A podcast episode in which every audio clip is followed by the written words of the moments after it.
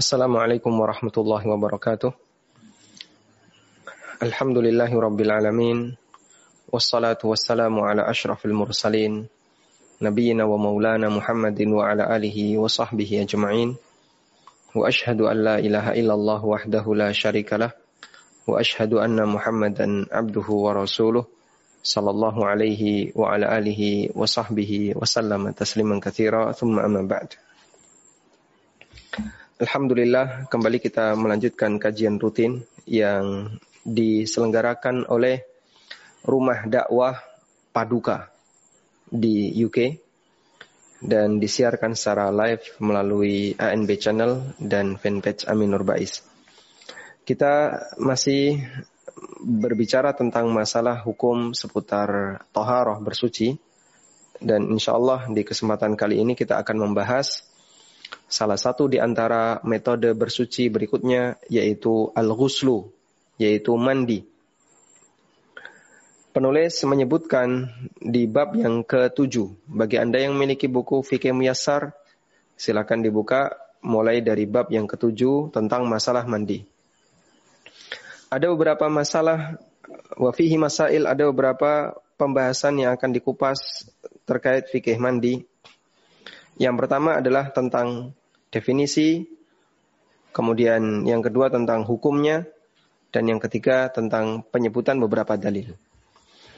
Definisinya secara bahasa mandi artinya adalah uh, tamamu ghuslil jasadi kullihi, membasahi seluruh badan. Dan makna secara syar'i tidak jauh dari makna bahasa yaitu ta'mimul badadi bil ma membasahi seluruh badan dengan menggunakan air atau menggunakan air sebagai salah satu media untuk bersuci dengan tata cara tertentu dalam rangka beribadah kepada Allah Subhanahu wa taala. Sehingga berdasarkan definisi ini maka mandi secara syar'i mandi secara syar'i perbedaannya dengan mandi biasa ya adalah dari sisi niatnya. Mandi secara syar'i adalah mandi yang diniatkan dalam rangka untuk beribadah kepada Allah Subhanahu wa taala. Dan karena dia tujuannya dalam rangka untuk beribadah kepada Allah, maka berarti mandi ini memiliki sebab. Mandi ini memiliki sebab. Sehingga dia dilakukan karena sebab tertentu. Kemudian bentuknya adalah mandi dan tujuannya adalah dalam rangka beribadah kepada Allah Ta'ala. Sebab mandi ini ada yang uh, statusnya sebab wajib dan ada yang statusnya sebab tidak wajib. Anjuran. Dan insya Allah nanti akan dibahas oleh penulis. Baik. Karena itu jika tidak ada sebab, tidak ada sebab, ya, lalu orang mandi, mandi besar, ya, maka tidak bisa dinilai sebagai mandi yang bisa menghilangkan hadas. Sehingga nanti apakah dia tetap wajib untuk wudhu selesai mandi? Jawabannya tetap wajib. Jadi maksud saya begini. Mandi besar itu bisa menghilangkan menghilangkan hadas hadas besar atau hadas kecil? Hadas besar atau hadas kecil? Besar. Hadas besar dan kecil. Ya, jadi dua-duanya. Oh. Makanya begitu orang mandi, lalu dia mau sholat, silahkan langsung sholat. Dan tidak perlu berwudu. Karena ketika dia menghilangkan hadas besar, maka sekaligus menghilangkan hadas kecil. Baik. Ini mandi besar yang sesuai standar syari. Jika dalam satu kasus ada orang malas wudhu, di depannya kolam renang. Lalu dia nyemplung kolam renang, basah semuanya, kemudian keluar pakai anduk, boleh nggak sholat? Jawabannya nggak boleh. Loh kenapa? Kan saya basah semuanya. Nah, maka pertanyaannya adalah, apa sebabnya kamu membasahi seluruh badanmu? Kalau kamu junub, kemudian kamu nyemplung kolam, mandi junub, maka sah sebagai mandi junub dan nanti menghilangkan hadas besar dan kecil. Kalau ini hari Jumat, kemudian kamu nyemplung kolam dalam rangka untuk mandi Jumat, maka sah sebagai mandi besar dan itu menghilangkan hadas besar maupun kecil. Dan nanti kamu tidak perlu untuk wudhu. Tapi kalau nggak ada sebab, lalu orang mandi di sungai, berenang di laut atau berenang di kolam, basah semuanya. Jika dia mau sholat, maka dia harus tetap uh, apa? Dia harus tetap berwudu terlebih dahulu. Karena itulah ketika ada orang yang keramas karena masalah saya gerah panas, saya mau keramas, dia mandi keramas. Jam 9 pagi, selesai mandi keramas, dia keluar kamar mandi. Lalu pengen sholat duha. Wudhu dulu nggak? Wudhu dulu. Kenapa? Karena dia tidak punya sebab yang e, menjadikan mandinya adalah mandi yang syar'i di mana tujuannya adalah dalam rangka beribadah kepada Allah Subhanahu wa taala. Tayyib. Kemudian tentang hukumnya, hukumnya wajib. Ya. Hukumnya wajib untuk mandi yang wajib dan sunnah untuk mandi yang sunnah tergantung sebabnya. Allah Subhanahu wa taala berfirman di surat Al-Maidah ayat 6 menyebutkan tentang hukum mandi yang wajib yaitu disebabkan karena junub. Wa in kuntum junuban fattaharu. Jika kalian mengalami junub fattaharu maka bersucilah. Maksudnya adalah mandilah. Dan ini bagian dari ciri seorang muslim sebagaimana disebutkan dalam hadis yang sahih Nabi sallallahu alaihi wasallam pernah mengatakan ya bahwa di antara ciri muslim kata beliau adalah ini beliau kasih definisi Islam dari Umar bin Khattab radhiyallahu anhu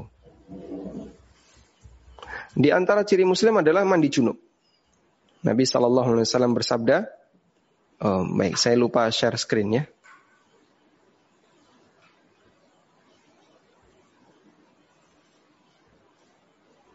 Atau sudah kelihatan ya tanpa share sudah. screen bisa? Sudah, sudah ya? kelihatan. Ya? Berarti oh ini pakai OBS ya. Disebutkan dalam hadis dari Umar bin Khattab radhiyallahu anhu, Nabi Shallallahu Alaihi Wasallam mendefinisikan seorang Muslim. Seperti apakah orang Muslim? Al Islam, itu antashhada alla ilaha illallah wa anna Muhammadan Rasulullah. Islam itu engkau bersyahadat la la ilaha illallah Muhammad Rasulullah. Wa antuqimas shalah wa tu'tiyaz zakah, engkau uh, mendirikan salat, menunaikan zakat. Wa tahujja wa ta'tamira, engkau berhaji dan umrah. Karena yang wajib itu tidak hanya haji, termasuk juga umroh. Maka ada istilah umroh Islam, yaitu umroh yang pertama yang dilakukan oleh kaum muslimin.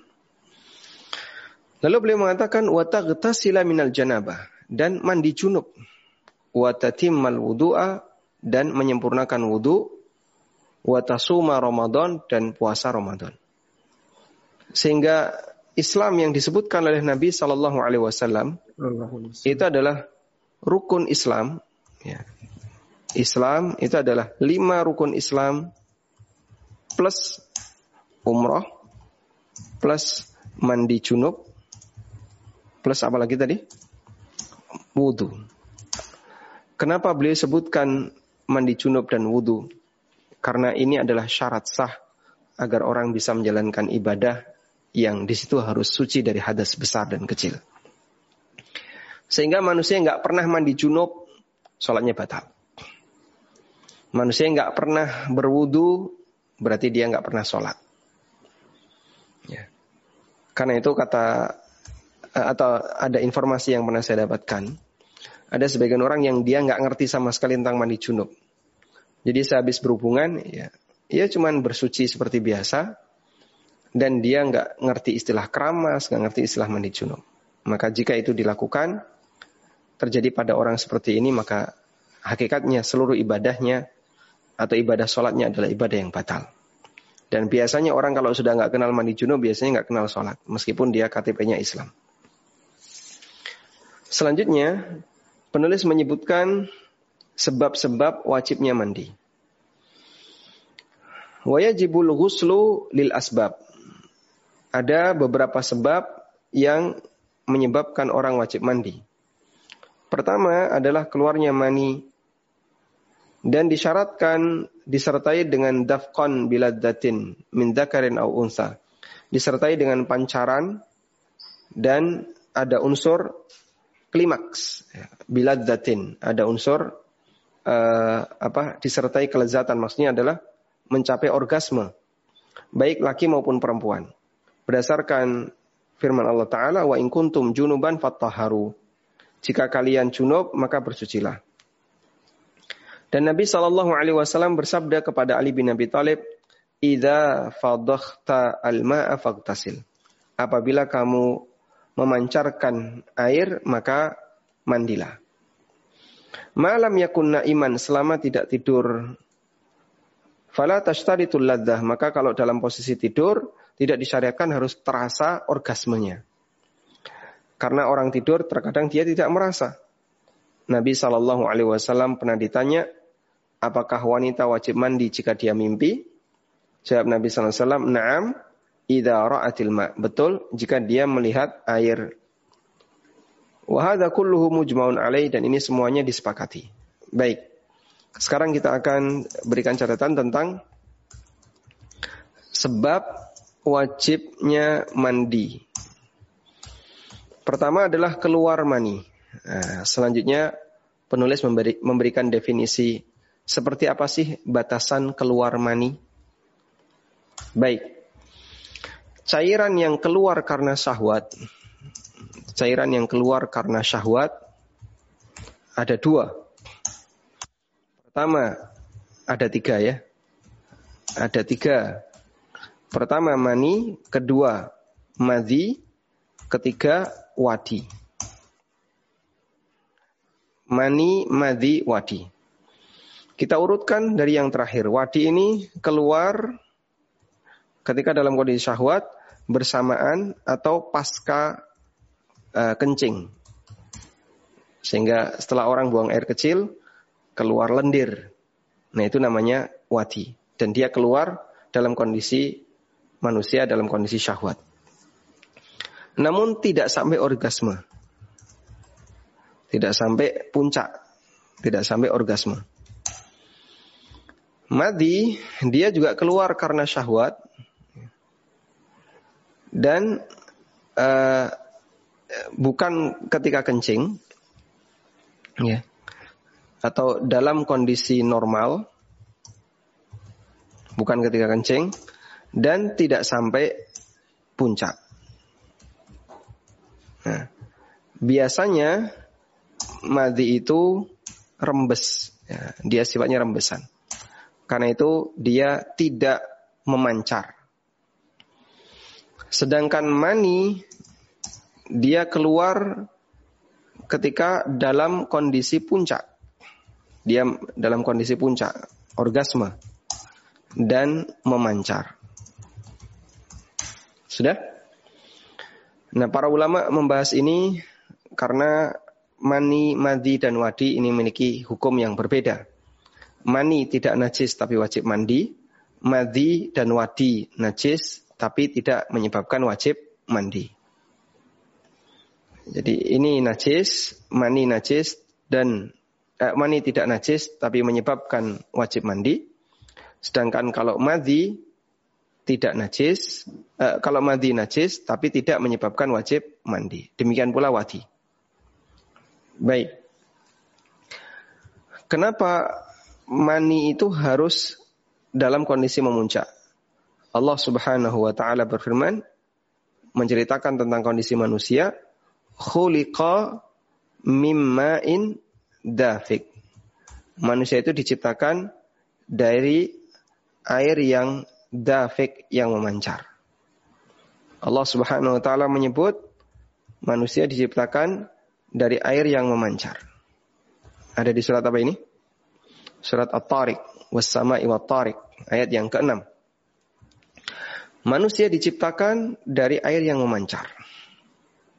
Karena dia keluarnya dalam kondisi memancar. Lalu dari ayat ini para ulama mengambil kesimpulan berarti mani itu harus disertai dengan dafak, harus disertai dengan pancaran. Maka kalau keluarnya tidak memancar itu bukan mani, tapi itu madi. Baik. Nah, selanjutnya dilihat dari subjeknya. Subjek pelaku. Para ulama membagi menjadi dua. Pertama dalam kondisi sadar, yang kedua dalam kondisi tidur. Pertama dalam kondisi sadar, yang kedua dalam kondisi tidur.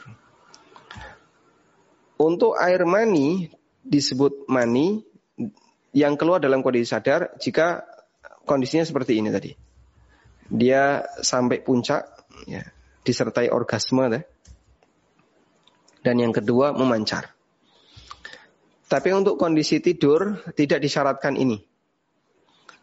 Karena orang yang tidur nggak nggak merasakan orgasme dan biasanya keluarnya juga bisa jadi tidak memancar. Ya. Karena itulah untuk kondisi tidur selama melihat basah maka dihukumi mani. Berdasarkan hadis yang diriwayatkan oleh Muslim, Nabi Shallallahu Alaihi Wasallam pernah ditanya, hal alal mar'ati ghuslun idah talamat. Apakah wanita wajib mandi apabila dia mimpi? Dan Nabi Shallallahu Alaihi Wasallam ngasih jawaban, naam idah ra'atil ma. Betul wajib mandi jika melihat air. Sehingga untuk orang yang tidur, ya, orang yang mimpi itu ada dua ya. Pertama uh, mimpi basah maksudnya. Mimpi basah. Pertama melihat air, yang kedua tidak melihat air. Jadi acuannya adalah melihat ada air atau tidak, bukan acuannya ingat mimpinya atau tidak. Karena itu kalau ada orang yang dia melihat air, tapi dia nggak ingat mimpinya.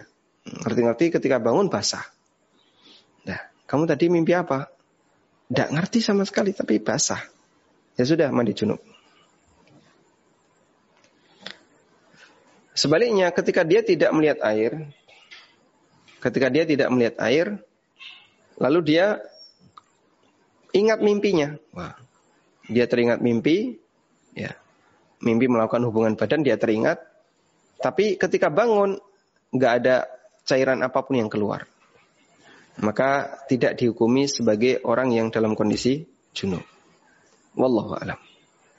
Tayyib. Ini pembagian yang diberikan oleh para ulama terkait mimpi basah. Sudah? Ini yang pertama sebab wajibnya mandi. Yang pertama adalah keluarnya mani. Kemudian sebab yang kedua adalah taghyibu hasyafati zakar kulliha au qadriha fil farj. Terjadi hubungan badan. Bertemunya dua kelamin laki dan wanita. Meskipun tidak sampai keluar. Meski meskipun tidak sampai keluar mani. Baik. Tapi ketika sudah terjadi pertemuan antara kelamin lelaki dan perempuan, meskipun tidak keluar mani, tetap wajib mandi. Sebenarnya ada khilaf dalam masalah ini. Pertama, ada ada khilaf ya. Pendapat yang pertama, hanya wudhu, hanya wajib wudhu.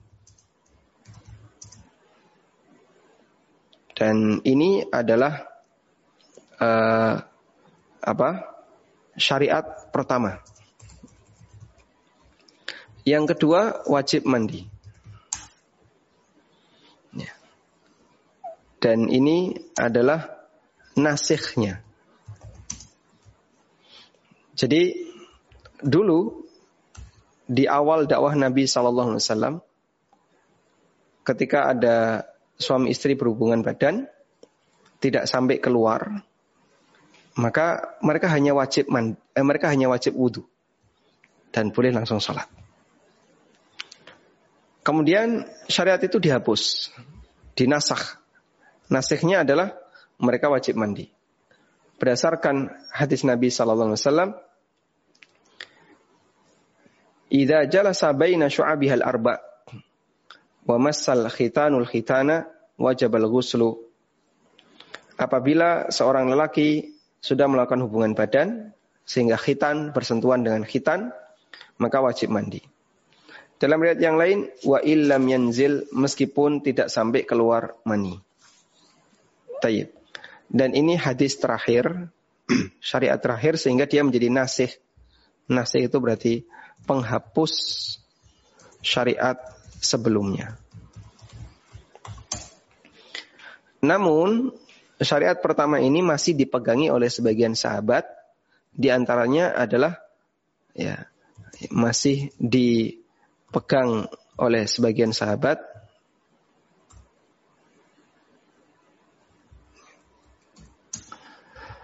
Di antaranya adalah Umar, uh, adalah Utsman. Di antaranya Utsman bin Affan. Sehingga dalam fikihnya Utsman, orang yang melakukan hubungan badan namun tidak sampai keluar mani, maka cukup berwudu dan tidak perlu mandi. Tapi ini pendapat yang lemah karena ini sudah dihapus dan pendapat yang kuat adalah wajib mandi. Alhamdulillah dan masyarakat kita memahami ini. Bahasanya dia wajib mandi. Kemudian yang ketiga yang disebutkan oleh penulis adalah masuk Islamnya orang kafir. Walau murtad dan meskipun awalnya adalah murtad. Karena Nabi Shallallahu Alaihi Wasallam memerintahkan Qais bin Asim ketika masuk Islam untuk mandi. Ya. Sehingga orang masuk Islam baik agama aslinya adalah kafir maupun agama aslinya adalah muslim, kemudian dia murtad, lalu balik ke Islam, maka dia disyariatkan untuk mandi. Meskipun ulama beda pendapat apakah ini tingkatannya sampai mandi wajib ataukah hanya sebatas anjuran. Selanjutnya, yang keempat adalah ingkita udamil haid bin nifas. Yang keempat adalah berhentinya berhentinya haid dan nifas. Karena ketika wanita haid atau nifas, maka dia dalam kondisi hadas besar. Dan untuk menghilangkan hadas besarnya, maka dia wajib untuk mandi. Coba kita bacakan ayatnya. Allah Subhanahu wa taala berfirman, di surat Al-Baqarah.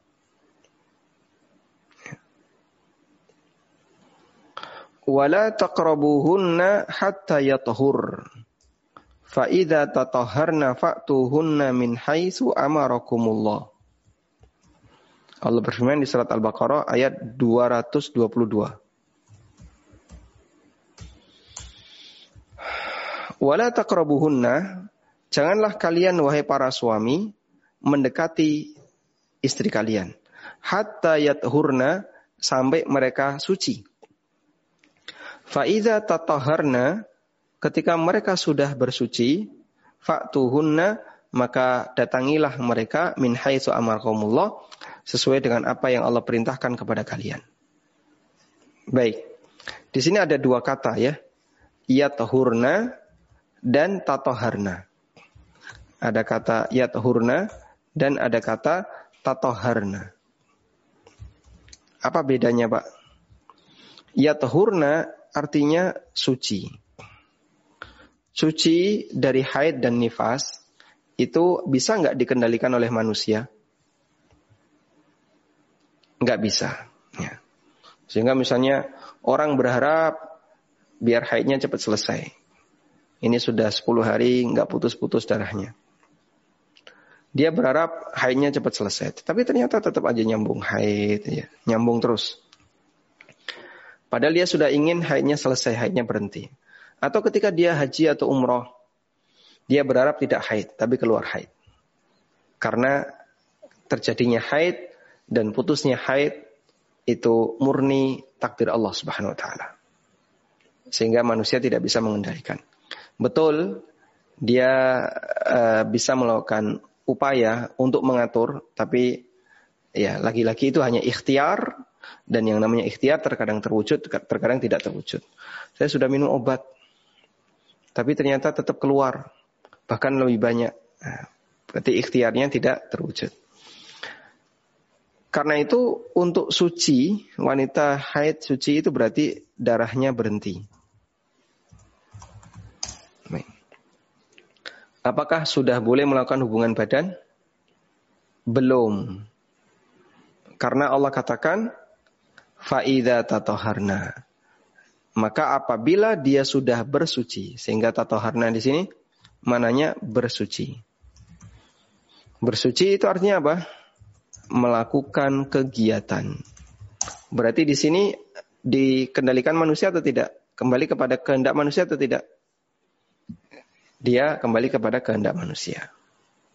Sehingga wanita misalnya suci, dalam arti darahnya putus dari haid jam 9 pagi. Lalu dia mau sholat duhur. Ya, jam 2 baru mandi. Ya, padahal nanti, tadi dia bisa mandi jam 10, terus sholat duha, atau mandi jam 11, lalu sholat duhur tepat waktu, dan seterusnya. Maka tatoharna di sini bersuci itu kembali kepada keinginan pelakunya. Dan inilah yang menjadi batas menjadi batas bolehnya melakukan hubungan badan. Baik. Saya uh, perlu menegaskan ini karena pernah ada orang yang punya kasus kayak gini. Jadi, Pak, boleh nggak setelah darah berhenti, terus saya bersihkan kemaluan, lalu melakukan hubungan badan? Nah, biar nanti mandinya kan dirapel, ya mandi suci haid plus mandi hubungan badan. Karena kalau mandi dulu keramas, terus melakukan hubungan badan, nanti mandi lagi. Nah, daripada mandi dua kali, mindun gaweni ya, gitu. Jadi dua kali kerja, nah, lebih baik mandi sekali di belakang, suci haid langsung hubungan, terus mandi sekalian. Ya, kalau Anda melakukan seperti itu dosa besar. Karena Berarti dia melakukan hubungan sebelum istrinya bersuci. Baik, sehingga bedakan antara suci dan bersuci. Kalau suci ini di luar kendali manusia, kalau bersuci ini manusia bisa mengendalikannya. Uh, anda mau mandi kapan? Persis setelah darah berhenti atau mungkin dia tunda dulu, tidur dulu dan seterusnya. Tayyip. Kemudian yang terakhir, yang kelima, sebab mandi wajib adalah kematian. Maka setiap muslim yang mati wajib dimandikan kecuali muslim yang meninggal dalam kondisi mati syahid. Dia tidak perlu dimandikan. Wallahu ta'ala alam. Selanjutnya, penulis akan membahas tentang bagaimana cara mandi. Fi sifatil ghusli wa kaifiyatihi tentang tata cara mandi.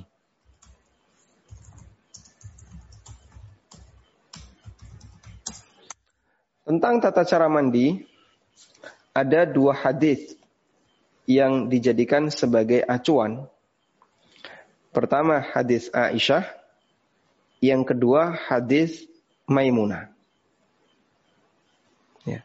Pertama hadis Aisyah dan yang kedua hadis Maimunah. Kalau di buku hadis Aisyah dan hadis Ummu Salamah. Tapi nanti kita akan uh, detailkan itu ya. Jadi ada dua hadis yang menjadi acuan mandi. Mandi junub yang sesuai sunnah. Pertama hadis Aisyah. Yang pertama hadis Aisyah. Yang kedua hadis Maimunah. Baik. Maka seorang muslim kalau ingin mengetahui seperti apakah mandi junub sesuai sunnah, dia bisa baca hadis Aisyah dan hadis Maimunah. Nah, sebenarnya tata cara mandi junub itu ada dua. Pertama, tata cara minimal yang sah yang kedua, tata cara yang sesuai sunnah. Tata cara minimal mandi junub yang sah gimana Pak? Ya pokoknya basah semua teorinya. Sehingga misalnya ada orang yang dalam kondisi junub, terus dia ingin mandi junub cara cepat, langsung nyemplung kolam. Ya, begitu plung pakai gaya dada ya, dada gitu ya. Nah, kemudian dia keluar. Basah semuanya. Apakah sah sebagai mandi junub? Sah. Kenapa? Karena dia sudah basah semuanya.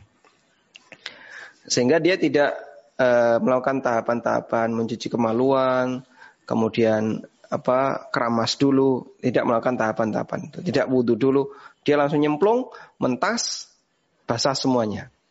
Dan itu sah sebagai mandi karena dia sudah melakukan mandi bi qadril mujzi. Bi qadril mujzi. Mandi untuk syarat uh, kondisi minimal yang sah. Yang kedua, mandi sesuai sunnah.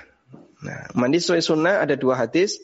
Pertama hadis Aisyah, yang kedua adalah hadis Maimunah. Sekarang kita akan buka dua hadis ini. Hadis Aisyah dan hadis Maimunah. Dua hadis ini disebutkan, dua-duanya disebutkan dalam uh, kitab Umdatul Ahkam. Ya. Ketika penulis menceritakan tentang bagaimana cara mandinya Nabi Sallallahu Alaihi Wasallam. Nah, blue screen.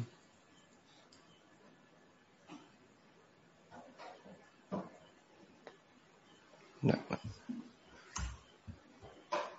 Baik. Masih jalan. Baik, mohon ditunggu. Laptop Baik. saya blue screen, Pak. Baik, Ustaz. Ini uh, share screen-nya masih keluar di di kami. Iya, baik. Alhamdulillah tidak hilang memorinya. Tidak hilang. Iya. Nah.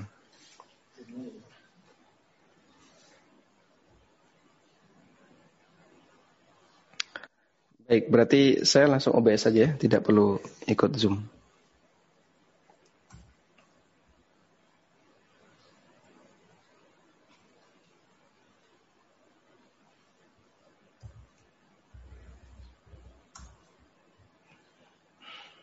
Sudah? Nah, catatannya hilang. Yang di notepad hilang, Pak. Tidak masalah ya. Nanti bisa dilihat tayangan ulang. Kita sampai ke tata cara mandi. Saya ulang di sini. Keluar? Belum. Ah. Belum keluar Pak di saya. Masih kosong. Alhamdulillah. Uh, screennya mungkin kurang ke atas itu uh, dari adminnya jadi nah mungkin Ya mungkin bisa Ustaz. Di situ kursornya udah kelihatan. Nah, udah. Baik. Baik, dah. Tadi kita sebutkan bahwasanya tata cara mandi ada dua. Pertama, tata cara minimal yang sah. Dan intinya adalah membasahi seluruh badan. Yang kedua, tata cara yang sesuai sunnah. Dan untuk tata cara yang sesuai sunnah, di sini mengacu kepada dua hadis Nabi Sallallahu Alaihi Wasallam atau dua berita yang disampaikan oleh istri Nabi Sallallahu Alaihi Wasallam. Yang pertama adalah hadisnya Aisyah dan yang kedua adalah hadis Maimunah. Baik.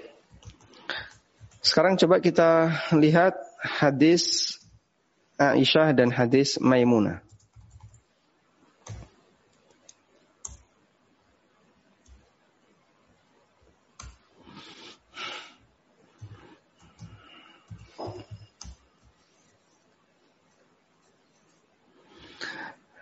Dalam hadis dari Aisyah radhiyallahu anha, beliau menceritakan nah, di sini hadisnya kita baca.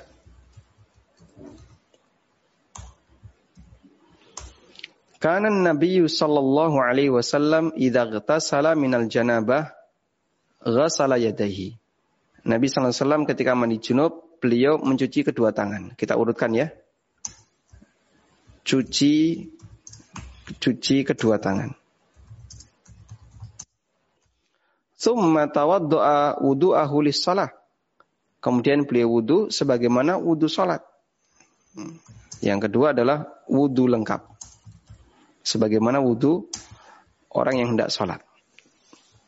Summa salah kemudian setelah itu mandi. Berarti mengguyurkan badan, mengguyurkan air ke badan.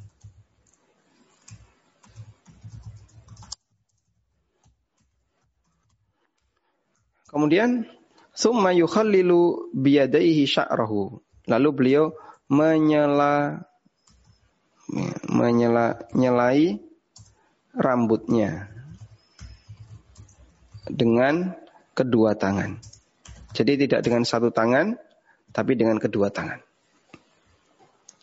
Hatta idza dhanna annahu qad arwa basharatahu sampai ketika beliau yakin airnya sudah mengenai kulit kepala, afadhu alaihi al-ma'a salasan. Ya. Menyiramkan air ke kepala tiga kali. Summa ghasala sa'ira jasadihi. Kemudian beliau membasahi seluruh badannya. Kemudian membasahi seluruh badannya. Baik, ini urutan yang disampaikan oleh Aisyah radhiyallahu. Dan di sini ada sedikit yang aneh ya. Beliau menyebut di urutan yang ketiga, lalu Nabi SAW mandi dan mengguyurkan, yaitu mengguyurkan air ke badan. Mungkin ini dijelaskan di bawahnya ini ya. Dengan tahapan menyela-nyelai rambutnya, kemudian menyiram air ke, ke kepala tiga kali, lalu membasahi seluruh badannya. Sehingga kalau kita simpulkan dalam tata cara mandi Aisyah, tata cara mandi Nabi SAW menurut riwayat Aisyah, beliau cuci kedua tangan, lalu wudhu dengan lengkap sampai kaki. Setelah itu mengambil air, kemudian dipakai untuk membasahi kepala sambil disela-selai. Sampai ketika beliau merasa sudah basah semua uh, kulit kepalanya, lalu beliau mengguyurkan air ke kepala tiga kali. Setelah itu baru mengguyurkan air ke badan. Baik, ini uh, menurut riwayat Aisyah radhiyallahu. Selanjutnya kita beralih menurut riwayat Maimunah. Maimunah bintul Haris. Beliau adalah bibinya Ibnu Abbas radhiyallahu anhuma karena Ummu Fadl yaitu ibunya Ibnu Abbas adalah saudaranya Maimunah. Maimunah bintul Haris bercerita tentang bagaimana cara mandinya Nabi SAW. Beliau mengatakan dan dua-duanya hadis riwayat Bukhari Muslim ya. Wada'tu li Rasulillah sallallahu alaihi wasallam wadu al janabah. Aku meletakkan aku menyiapkan untuk Rasulullah SAW air untuk mandi junub. Fa'akfa'a biyaminihi ala yasarihi marratain. Lalu beliau menuangkan dengan menggunakan tangan kanannya ke tangan kiri dua kali atau tiga kali. Summa ghasala farjahu. Dan beliau cuci kemaluannya. Sehingga di sini kita tulis tahapannya. Pertama, mencuci kemaluan dengan tangan kiri dibantu tangan kanan. Ada ember berisi air, Nabi SAW menciduk air dengan tangan kanan, lalu ditaruh ke tangan kiri, dipakai untuk nyuci kemaluan. Nah, ini dilakukan dua atau tiga kali. Ya. Dilakukan dua atau tiga kali. Kemudian yang kedua, summa darabahu summa daraba yadahu bil ardi awil haid. Lalu tangannya tangan kiri digosokkan ke tanah atau dinding. Nah, dan yang dimaksud dinding maksudnya adalah bagian dinding bagian bawah kamar mandi. Sehingga nanti ketika kena cipratan air dia pasti akan bersih ada sebagian orang Nasrani yang ngecek bagian ini ya nabimu air maninya dileletkan di dinding subhanallah dari apa yang dia ucapkan dan penghina nabi seperti ini uh, nanti akan mendapatkan hukuman yang setimpal summa tamadmada wastan syaqa Lalu beliau berkumur dan istinsyak. Apa itu istinsyak? Istinsyak adalah menghirup air ke dalam hidung. Nah, menghirup air ke hidung.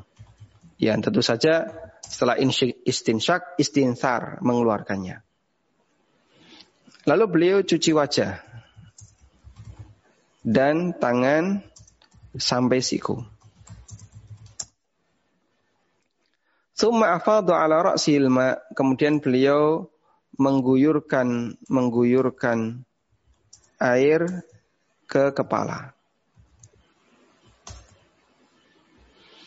Summa ghasala jasadahu. Kemudian beliau mengguyurkan air ke jasadnya. Beliau mengguyurkan air ke jasadnya.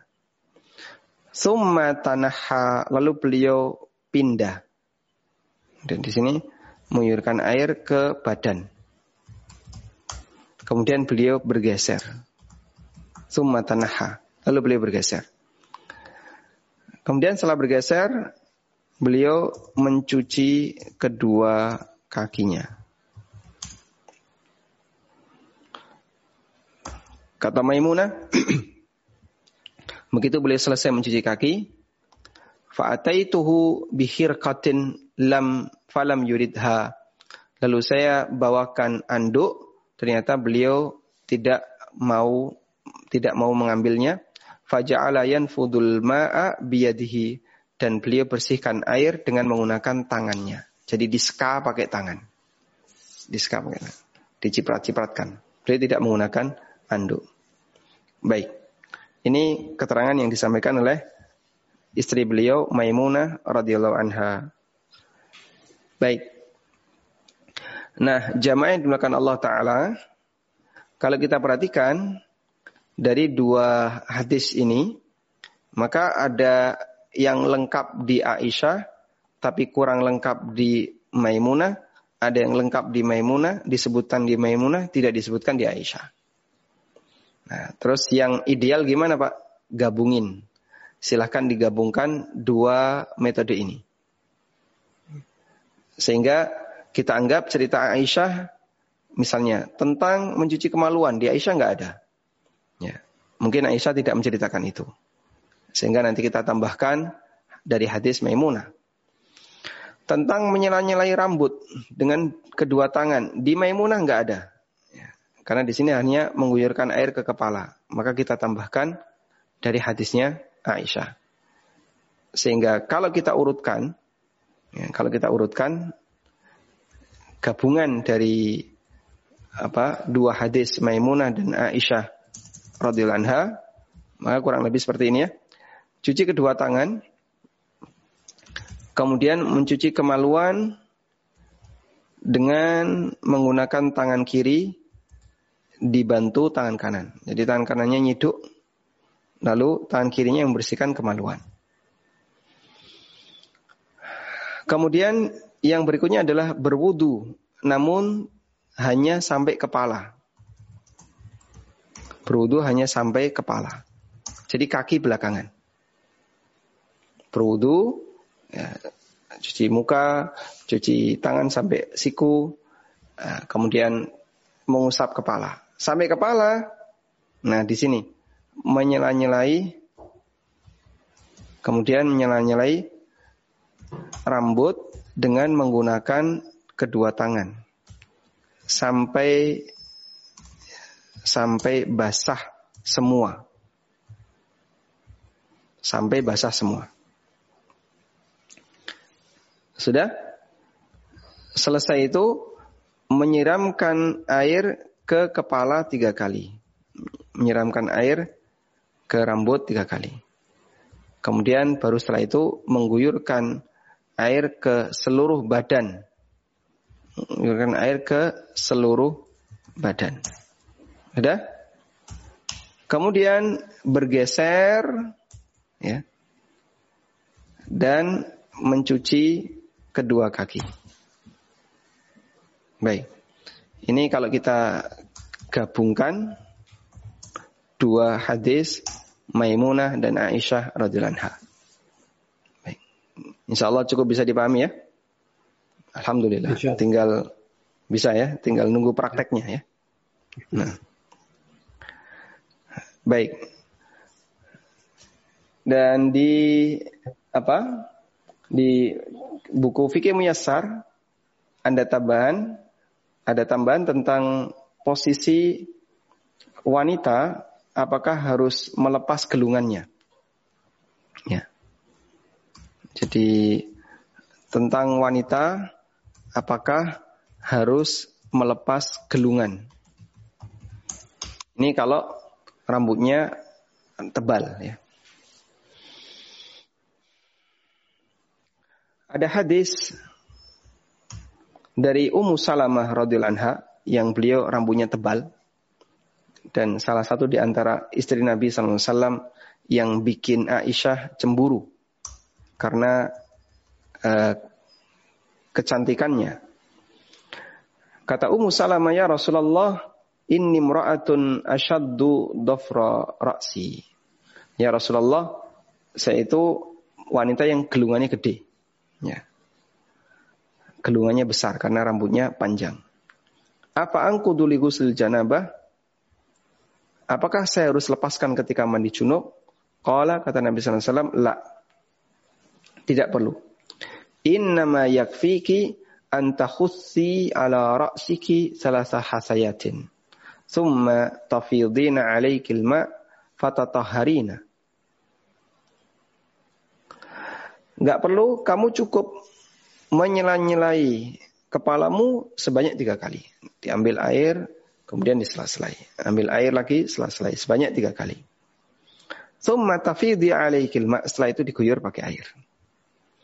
Sehingga bisa jadi bagian di dalam gelungannya itu kering.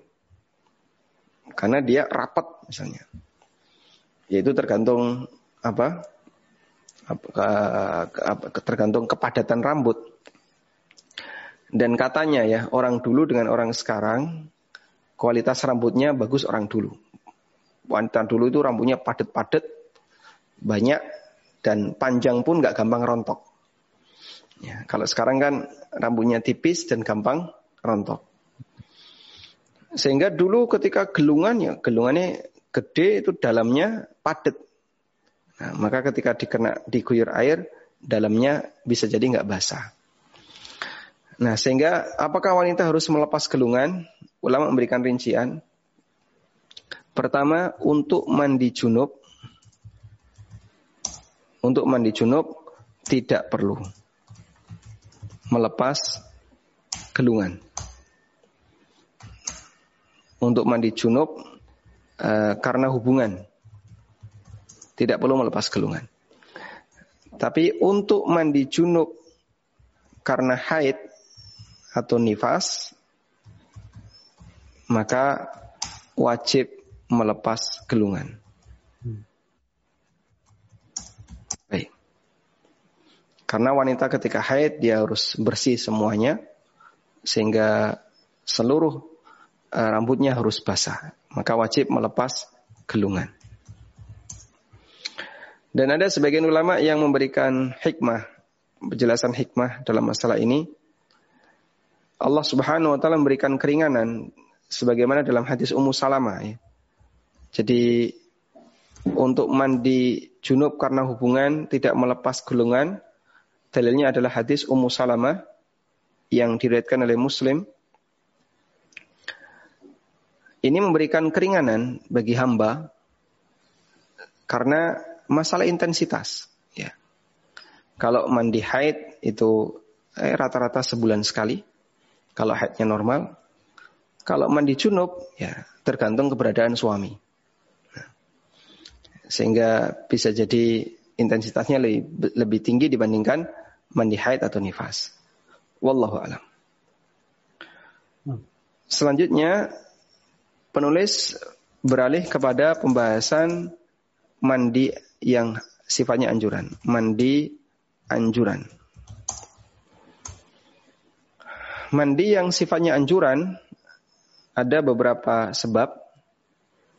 Pertama adalah mandi setiap kali mengulang hubungan.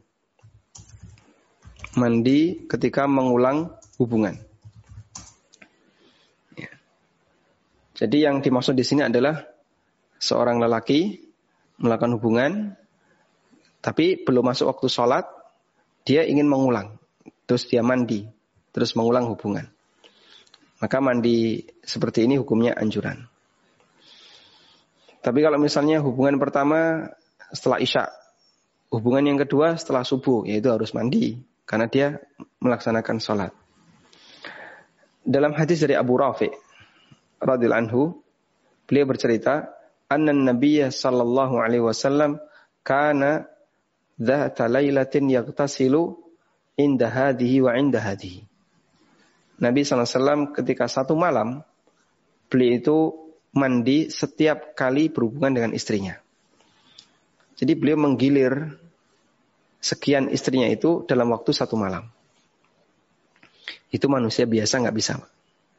Kalau bukan nabi, dia nggak bakalan punya kemampuan seperti ini.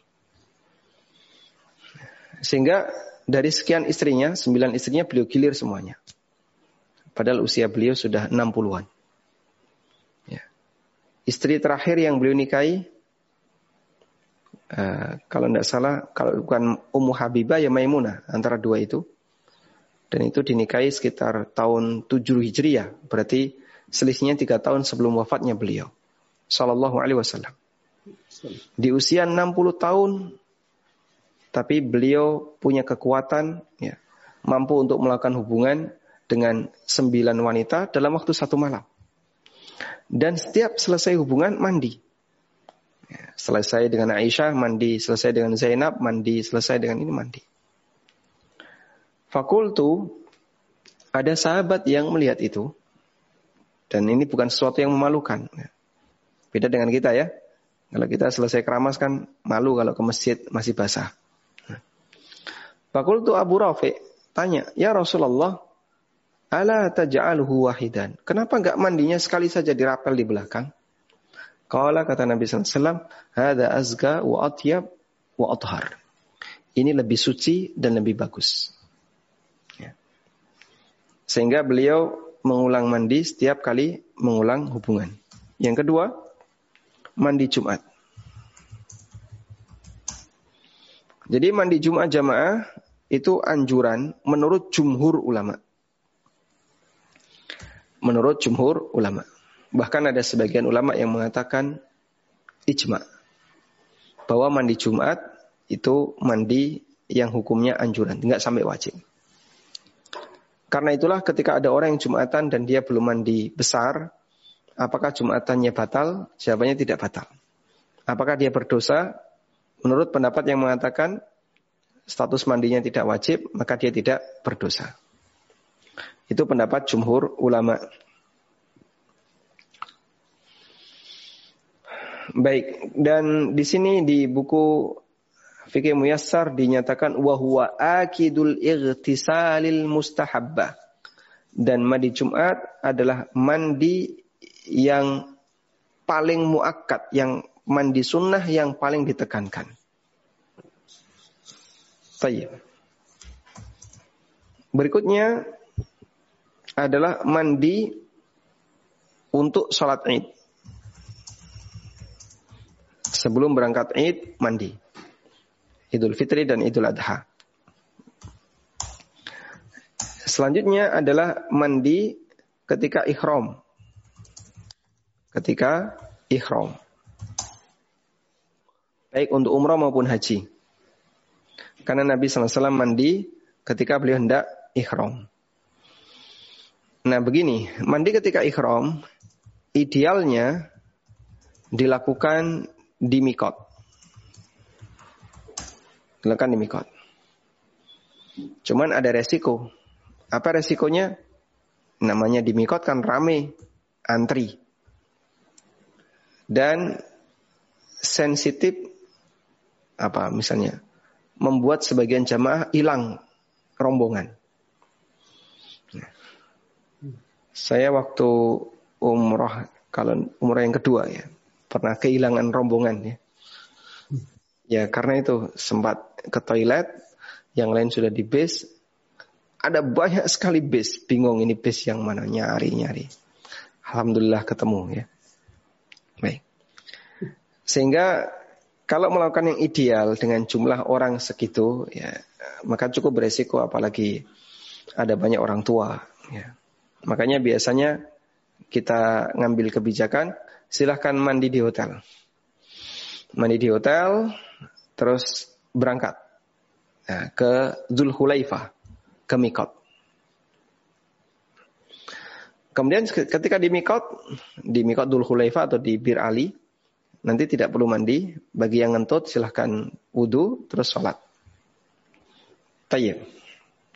Meskipun idealnya dilakukan di Mikot. Dan di Mikot, di Zulhulaifa itu ada banyak sekali eh, tempat-tempat uh, mandi. Cuman ada shower saja.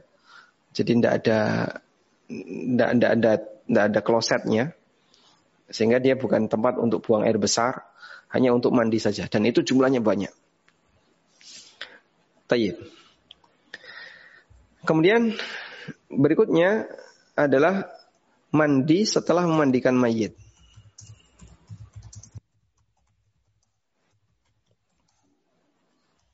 Ini hukumnya anjuran dan tidak wajib.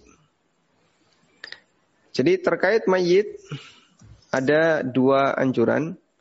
Pertama wudhu, ini setelah menyentuh mayit, mengangkat mayit. Orang yang ikut mengangkat bandoso, mengantarkan ke makam, maka nanti setelah itu dianjurkan berwudu. Tapi yang memandikan mayit dianjurkan untuk mandi. Dan sebagian ulama memberikan uh, apa? Memberikan alasan kenapa dianjurkan untuk mandi?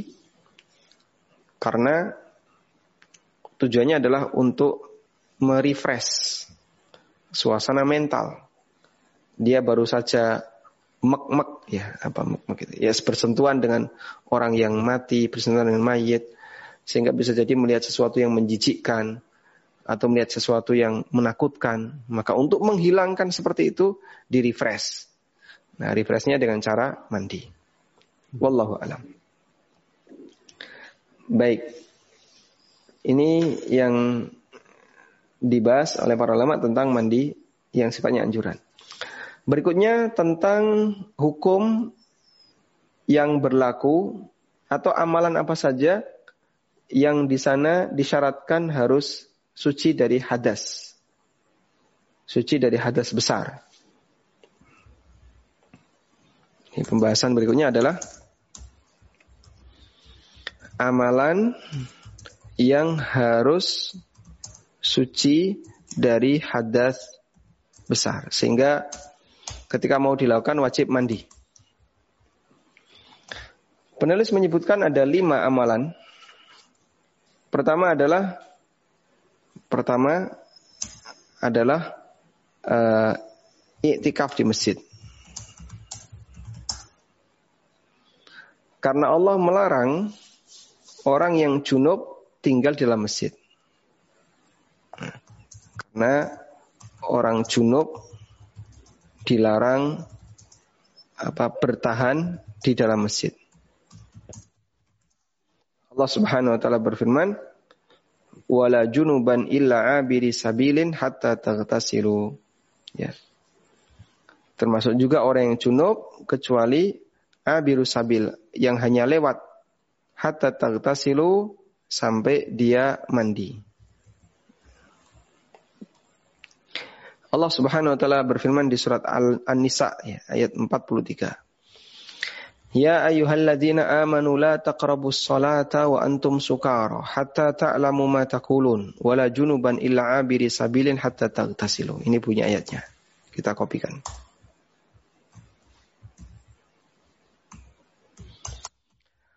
Wahai orang-orang yang beriman, janganlah kalian mendekati salat Maksudnya adalah jangan sholat wa antum sukaro ketika kalian dalam kondisi mabuk. Hatta ta'lamu ma taqulun sampai kalian mengetahui apa yang kalian baca ketika sholat. Dan ini tahapan ketiga untuk pelarangan khamr. Karena khamr dilarang secara bertahap. Tahapan yang pertama Allah Subhanahu wa taala memuji di antara nikmat yang Allah berikan kepada kalian adalah adanya anggur, adanya kurma. Ya. Tattakhiduna minhu sakaran yang kalian jadikan sebagai minuman memabukkan. Coba kita lihat ayatnya.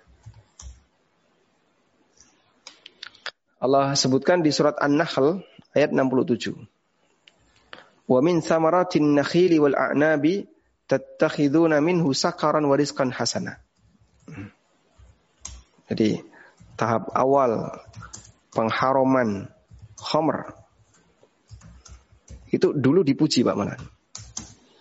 Dulu itu dipuji. Ini ada di surat An-Nahl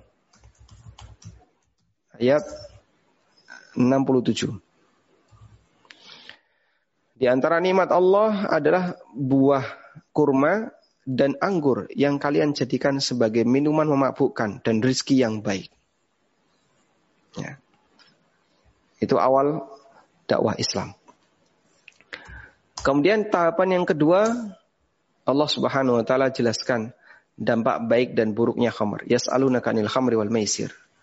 Qul fihi ma ismun kabir wa manafi'u nas. Mereka bertanya kepadamu tentang khamr dan judi. Katakanlah di sana ada dosa besar dan beberapa manfaat bagi manusia.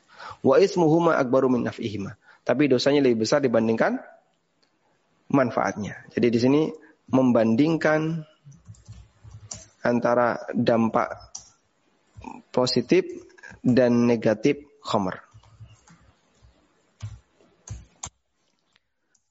Lalu tahapan yang ketiga ini. Dilarang mabuk ketika sholat. Akhirnya para sahabat ketika mau mabuk, mereka milih waktu. Hanya berani mabuk setelah isya. Selain itu mereka nggak berani mabuk. Karena dulu ada orang yang selama maghrib mendem. Akhirnya ketika sholat isya, dia ngawur bacaannya. Karena orang mendem sholat. Ya bacaannya ngawur. Maka dilarang oleh Allah. La taqrabus salata wa antum sukara hatta ta'lamu ma taqulun. Janganlah kalian salat dalam kondisi mabuk sampai kalian mengetahui apa yang kalian baca. Nah, di sini tahapan yang ketiga adalah larangan salat dalam kondisi mabuk. Kenapa? Karena orang mabuk nggak paham dengan apa yang dia ucapkan. Dan kita melakukan sholat, namun kita nggak paham dengan apa yang kita ucapkan, meskipun kita tidak mabuk. Nah, itulah kita ya. Bedanya kita dengan sahabat. Sahabat dilarang oleh Allah untuk sholat dalam kondisi mabuk karena nggak ngerti dengan apa yang dia ucapkan. Dan kita melakukan sholat sementara kita nggak ngerti apa yang kita ucapkan meskipun kita nggak mabuk. Ya, karena pikiran kita melayang ke mana-mana dan apa yang kita baca hanya sebatas hafalan teks, nggak ngerti makna. Ya. Sami Allah liman hamidah rabbana wa lakal hamdu hamdan katsiran tayyiban. Tidak ngerti makna dia. Cuma dibaca teksnya saja. Allah memba'id baini wa baina khataya kama ba'adta bainal masyriq wal maghrib. Allahu akbar kabira walhamdulillah katsira. Ya, dia baca doa iftitah tapi tidak ngerti maknanya. Ya. Sehingga kalau kita lihat di ayat ini eh, rasanya dulu sahabat mabuk mereka nggak paham apa yang dia baca dilarang oleh Allah untuk sholat. Kita nggak pakai mabuk sudah melakukan seperti ini. Makanya Muslim dituntut untuk belajar makna dari apa yang dia baca ketika sholat. Dan alhamdulillah ada satu buku yang sudah uh, apa tersebar yang berjudul Tafsir Sholat. Ya. Dan buku itu membahas tentang bagaimana memahami makna dari setiap bacaan yang kita ucapkan ketika sholat. Selanjutnya adalah larangan mutlak Ya. Ya ayyuhalladzina amanu innamal khamru wal maisiru wal ansabu wal azlamu rijsun min amali syaitan fajtanibuhu la'allakum tuflihun. Sehingga khamr, judi, ansab, azlam itu semuanya adalah najis perbuatan setan, tinggalkan semuanya. Sehingga sudah tidak ada uh, ampunan lagi. Baik. Maka di sini adalah berbicara surat An-Nisa ayat 43 ini berbicara tentang larangan mendekati sholat ketika mabuk. Lalu Allah katakan wala junuban termasuk juga orang yang junub. nggak boleh mendekati. Maksudnya adalah mendekati tempat sholatnya. Karena orang yang junub nggak mungkin sholat. Illa abiri sabilin kecuali hanya lewat. Kecuali hanya lewat. Artinya kalau sebatas lewat di masjid boleh. Kenapa dikasih pengecualian illa abiri sabil? Karena ada sahabat ahlu sufa yang tidur di dalam masjid. Junub dia. Wah ini gimana? Katanya nggak boleh mendekati masjid ketika junub. Mau bergerak, bingung dia. Bergerak ke mana pun, ini bagian dari masjid. Kemudian Allah subhanahu wa ta'ala memberikan penjelasan. Kalau sebatas lewat nggak masalah. Sehingga tidur di dalam masjid, junub segera pergi. Dan mandi. Kemudian nanti bisa uh, ke masjid lagi. Baik. Yang kedua, adalah memegang Al-Quran. Memegang Al-Quran. Tidak boleh bagi orang yang junub memegang Quran. Nabi Shallallahu Alaihi Wasallam bersabda, La yamassul mushafa illa tahirun. Tidak boleh menyentuh mushaf kecuali orang yang suci. Yang ketiga, tidak boleh membaca Quran.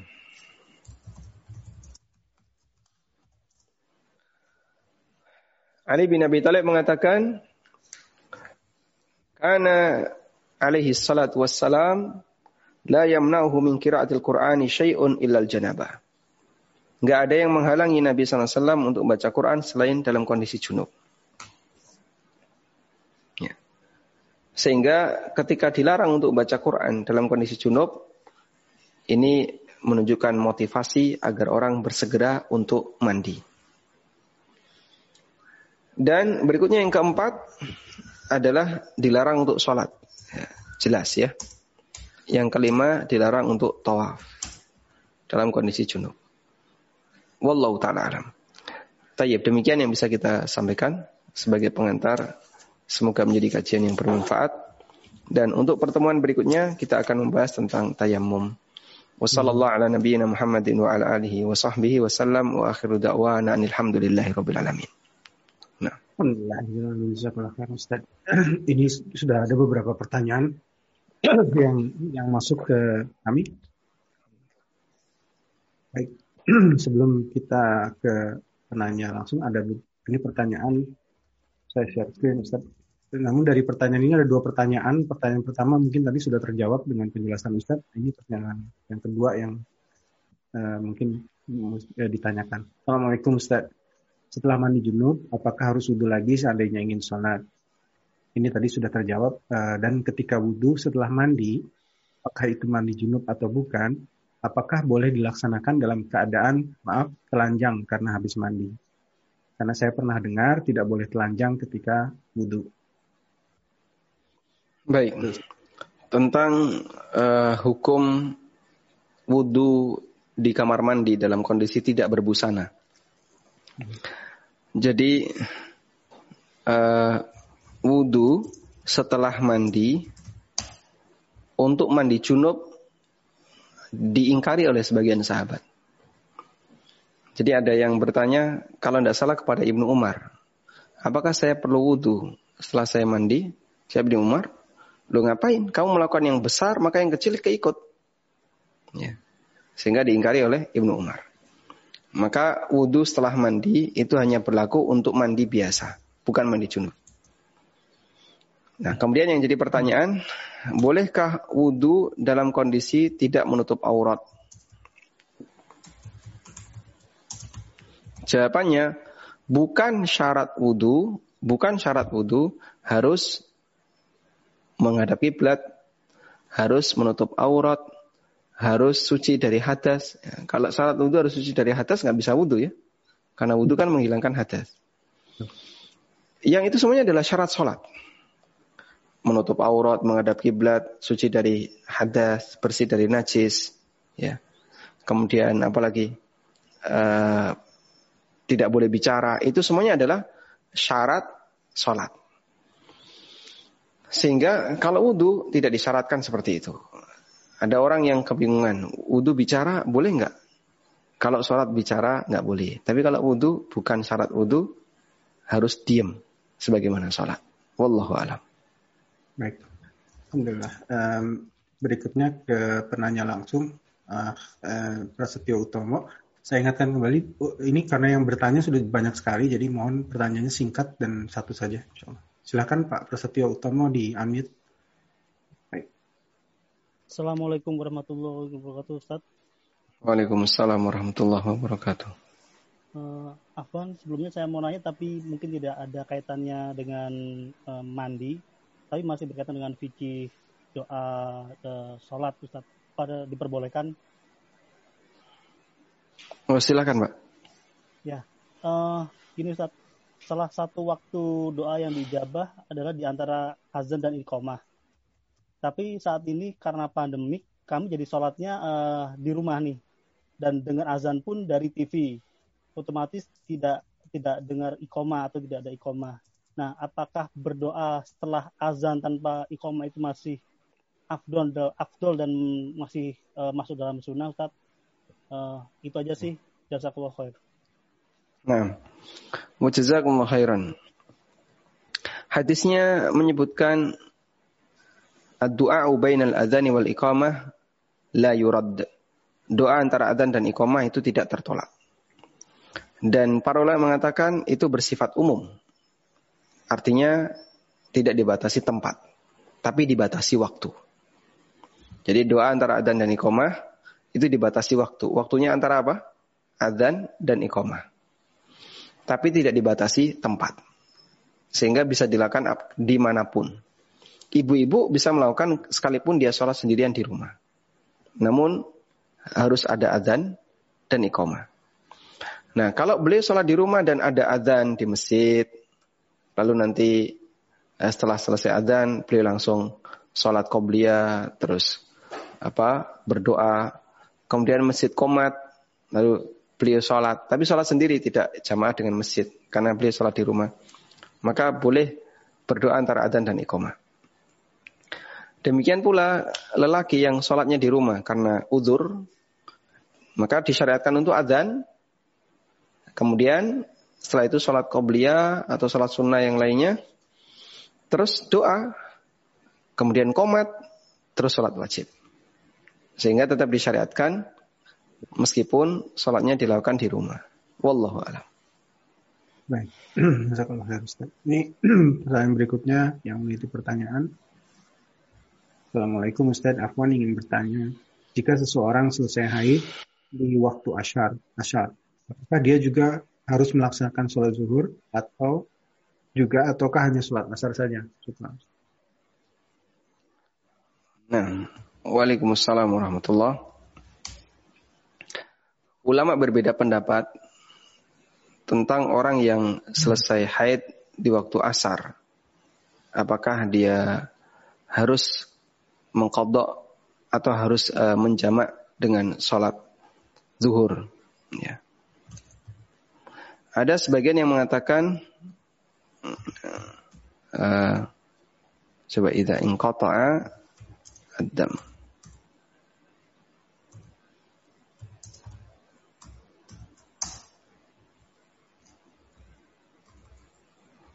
Kita coba buka.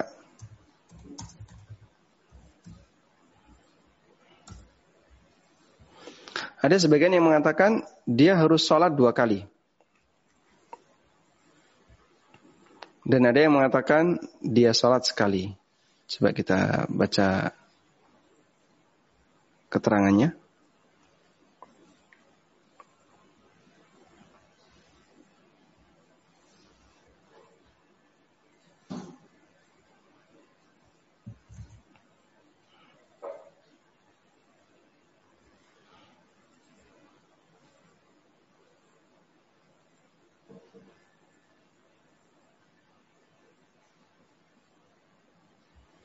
nunggu internet Pak ya.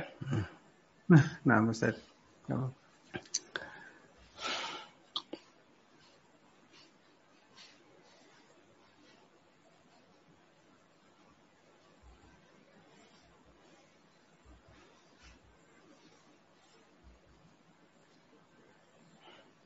Kalau pendapat yang disampaikan oleh Syekh bin Bas rahimahullah jika dia suci di waktu sholat tertentu yang bisa menjamak sholat sebelumnya, maka tajma'u ila ma yaliha tusalli sintaini. Maka dia sholat dua kali. Sehingga jika, jika dia suci di waktu asar, maka sholat duhur dan asar. Jika suci di waktu isya, maka sholat maghrib dan isya. Jika dia suci ba'da tulu'il fajri, setelah terbit fajar, maka sholat subuh saja. Hadha huwal wajibu 'alaiha. Ini yang wajib untuk dia lakukan kama afta bidzalika jama'atun minas sahabah sebagaimana yang difatwakan oleh sekelompok sahabat. Ini keterangan dari fatwa Syekh bin Bas.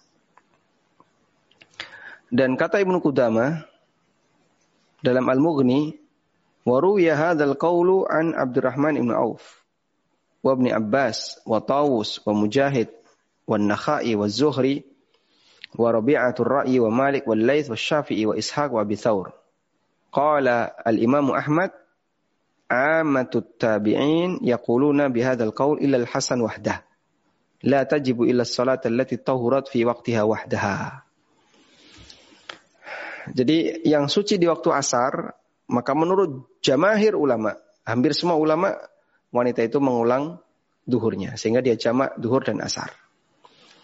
Dan itu adalah pendapat Abdurrahman bin Auf, Ibnu Abbas, Tawus, Mujahid, Ibrahim An-Nakhai, Ibnu Syihab Az-Zuhri, Rabi'ah gurunya Imam Malik, Imam Malik sendiri, Laith bin Sa'ad, Imam Syafi'i, Ishaq bin Rahuya, Abu Thawr. Dan kata Imam Ahmad, hampir seluruh tabi'in mengikuti pendapat ini, kecuali Hasan al-Basri.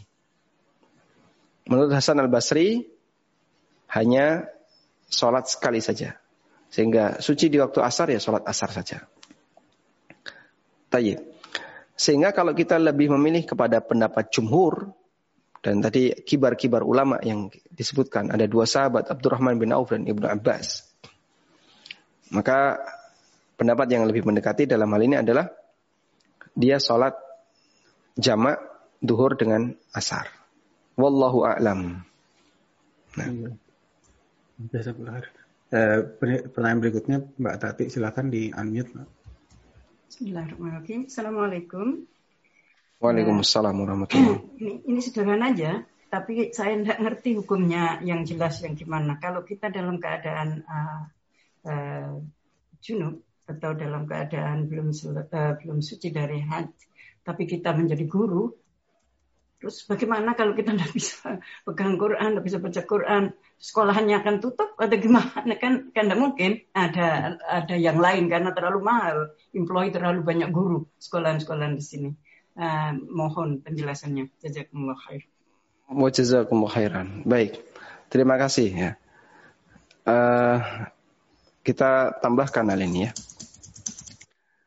Jadi junub dibedakan antara karena berhubungan dengan karena haid. Yang tadi kita bahas adalah junub karena berhubungan. Sedangkan untuk junub karena haid, bagaimana posisi wanita yang junub karena haid, bolehkah menyentuh Quran? Siapanya tidak boleh menyentuh. Tidak boleh menyentuh Al-Quran. Yang kedua, bolehkah membaca? Bolehkah membaca? Ulama khilaf. Dan pendapat yang lebih mendekati. Dan ini juga pendapat salah satu ulama Syafi'iyah yaitu Al-Muzanni. Hukumnya boleh. Boleh membaca. Dan banyak yang memfatwakan ini uh, menurut beberapa ulama kontemporer. Terutama bagi para uh, mudarrisat bagi para guru sehingga dia boleh membaca tapi tidak boleh menyentuh Quran. Nah, bisa nggak membaca tanpa menyentuh? Sangat mungkin. Berarti punya hafalan. Atau yang kedua apa? Dia menggunakan media tanpa harus nyentuh. Di depan saya ada laptop. Di sini ada aplikasi Quran. Saya menggunakan mouse. Maka ketika saya buka aplikasi Quran, saya tidak menyentuh teks Quran, tapi saya nyentuh mouse. Dan itu bisa Anda lakukan, bisa dilakukan oleh ibu-ibu ketika dalam kondisi haid dan dia ingin baca Quran, maka dia bisa apa menggunakan laptop dengan menyentuh mouse sehingga terhitung sebagai orang yang tidak menyentuh Quran tapi dia bisa baca. Wallahu alam. Baik, terima kasih Ustaz. Ini pertanyaannya banyak sekali nih Ustaz. Rupanya mengenai mandi. Bismillah. Pertanyaan berikutnya nih Ustaz. Afwan Pak Ustadz, sehubungan dengan keluarnya air mani tadi, seandainya istri sedang haid, tapi kemudian terkena pancaran air, man, air mani ketika suami ada kebutuhan, apakah istri juga harus mandi junub Ustaz? Tidak perlu mandi junub, dalam arti uh, boleh saja dia tunda mandinya setelah suci haid, karena sebatas kena cipratan air mani tidak menyebabkan badannya jadi najis. Ya. ya dia cukup bersihkan bagian yang kena cipratan air mani, tapi tidak dia tidak berstatus orang yang junub karena berhubungan. Baik, sementara bagi suami wajib untuk mandi junub. Wallahu alam. Nanti istri mandinya mandi haid setelah haidnya berhenti. Selesai, ya, baik Ustaz. Uh, ini berikutnya pada saat kondisi sedang junub, Apakah kita tidak boleh memotong atau menggunting kuku sebelum mandi junub? Jika tidak boleh dan kita terlanjur, terlanjur potong kuku, apakah wajib sisa-sisa kuku tersebut kita kumpulkan dan mandikan? Coba kita buka hadis ini.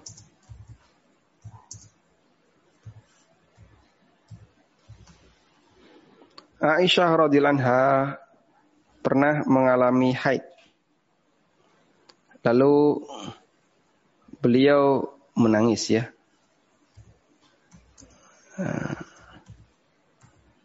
Anafisti.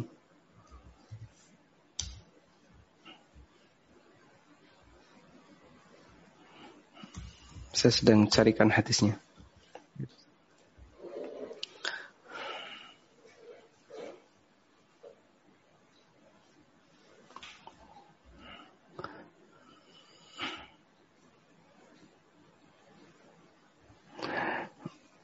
Wamtashitinam.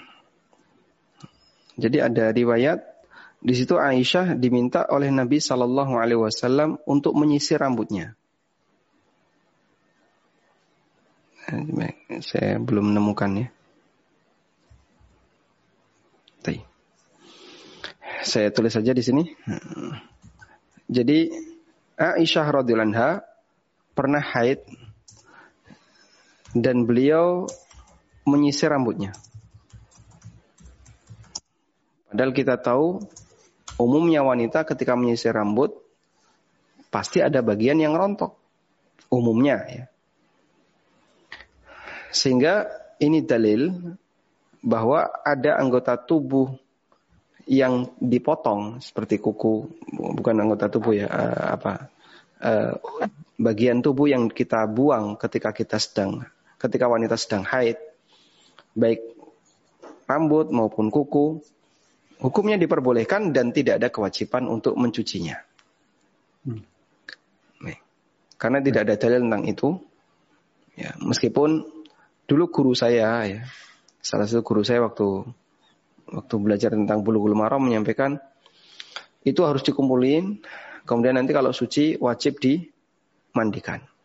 Kalau enggak, besok akan diseret ke neraka jadi kuku-kuku itu akan menyeret, rambut itu akan menyeret pemiliknya ke neraka. Dan saya tidak pernah mengetahui dalil tentang itu. Ya, beliau sampaikan tanpa menyebutkan dalil. Dan saya lebih yakin pendapat yang mengatakan tidak perlu untuk melakukan seperti itu. Wallahu a'lam. Nah. terima kasih. Ya, apa Ustaz ini di Jakarta atau di Indonesia sudah jam 9 kan ya? 9. Bagaimana Ustaz? Ini banyak sekali pertanyaan. Boleh satu lagi, Pak. Satu lagi, boleh. Bismillah. Nah, ini pertanyaan. Assalamualaikum Ustaz. Bagaimana hukum satu sholat dan amalan lain jika selama ini belum sempurna e, mandi junub? Bagaimana cara memperbaikinya Ustaz? Jika yang dimaksud belum sempurna, maksudnya adalah belum sesuai sunnah. Ya. Dengan mengikuti tahapan-tahapan yang tadi kita sebutkan. Ya. Namun beliau ketika mandi basah seluruh badannya. dari ujung rambut sampai ujung kaki. Maka insya Allah sholatnya sah. Dan dia tidak punya kewajiban apa pun. Ya.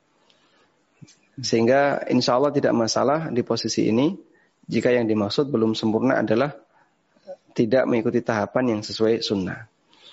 Sehingga mengikuti tahapan sesuai sunnah, mengikuti tahapan yang sesuai sunnah ketika mandi, ini menambah pahala. Ya. Di samping mandinya bisa kita pastikan sah dan di saat itu dia juga akan eh, menambah pahala yang dia dapatkan. Wallahu taala alam. Tayyib. Baik Ustaz. Uh, sudah habis ini atau boleh satu lagi? Baik, cukup. Uh, satu lagi. Satu lagi. Boleh ini ada yang mau bertanya langsung silakan. Uh, ini Ru Ibu Rukyah Sudilawati. Satu lagi. Terakhir. Ya. Ya, terima kasih. Assalamualaikum warahmatullahi wabarakatuh, Pak Ustadz. Waalaikumsalam warahmatullahi wabarakatuh. Ya, ya ingin saya tanyakan, uh, sehubungan dengan haid ya Pak Ustadz ya, gimana kalau haidnya itu tidak teratur, tapi dalam arti jumlahnya sedikit, misal uh, setelah sholat uh, isya ada flek sedikit begitu bangun tidur, terus dia mandi, mandi wajib, kemudian sholat. Boleh nggak Pak Ustadz? Mungkin seharian nggak lagi gitu. Baik. Terima kasih. Wassalamualaikum warahmatullahi wabarakatuh. Jadi setiap mau sholat, dia mandi gitu. Boleh nggak? Terima kasih. Wassalamualaikum warahmatullahi wabarakatuh. Waalaikumsalam warahmatullahi wabarakatuh. Jadi sebatas flek, spot, dan haid yang sedikit ya. Tidak dihitung hmm. haid. Karena haid, sebagaimana keterangan Ibnu Kutama, minimal sehari semalam. Dan ini pendapat Hambali, wallahu alam, uh, seingat saya ini juga pendapat jumhur. Sehingga kalau cuman spot flag keluar, setelah itu berhenti kosong, putus ya, nggak ada darah. Terus nanti keluar lagi di ujung hari, terus kosong lagi, nanti di ujung hari keluar lagi, itu tidak terhitung sebagai haid. Ya, sehingga darah itu darah yang cukup dicuci saja, kemudian tidak perlu mandi, wudhu, terus sholat. Karena statusnya bukan wanita haid. Karena haid itu minimal darah yang keluar terus menerus selama sehari semalam. Wallahu a'lam. Baik. Silakan Ustaz. Baik. Baik, demikian yang bisa kita bahas. Semoga materi kali ini menjadi materi yang bermanfaat dan semoga Allah taala menambahkan ilmu untuk kita ilmu yang nafi' wal amal salih. Wa sallallahu ala nabiyyina Muhammadin wa ala alihi wa sahbihi wa sallam. Wa akhiru da'wana anil hamdulillahi rabbil alamin. Subhanakallahumma wa bihamdika asyhadu an la ilaha illa anta astaghfiruka wa atubu ilaik. Wassalamualaikum warahmatullahi wabarakatuh. Waalaikumsalam warahmatullahi wabarakatuh. Jazakallah khair Ustaz dan tim. Alhamdulillah telah selesai uh, kajian kali ini bisa disimak kembali di YouTube kami paduka underscore UK atau bisa juga di uh, YouTube channel Aminul Baits. Mohon maaf jika ada kekurangan dan kesalahan. Mohon maaf jika ada pertanyaan yang tidak, tidak sempat ditanyakan. Barakallahu fikum. Wabillahi taufiq walhidayah. Assalamualaikum warahmatullahi wabarakatuh.